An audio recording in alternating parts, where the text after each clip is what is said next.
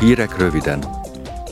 A külügyi bizottság ma egy-egy állásfoglalásban fogja értékelni, hogy hol tart Észak-Macedónia és Albánia az uniós tagsághoz vezető úton.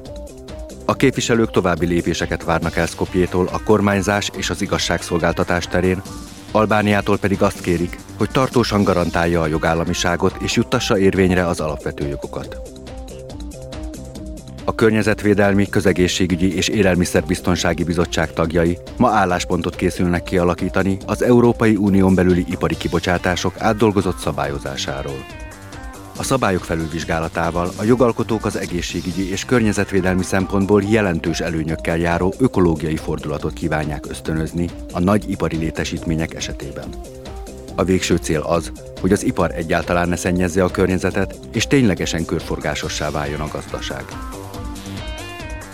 Támogassuk az állatkínzás nélkül előállított kozmetikai termékeket. Kérik annak az európai polgári kezdeményezésnek az előterjesztői, akik a Környezetvédelmi, Közegészségügyi és Élelmiszerbiztonsági Bizottság meghívására holnap nyilvános meghallgatáson vesznek részt a parlamentben.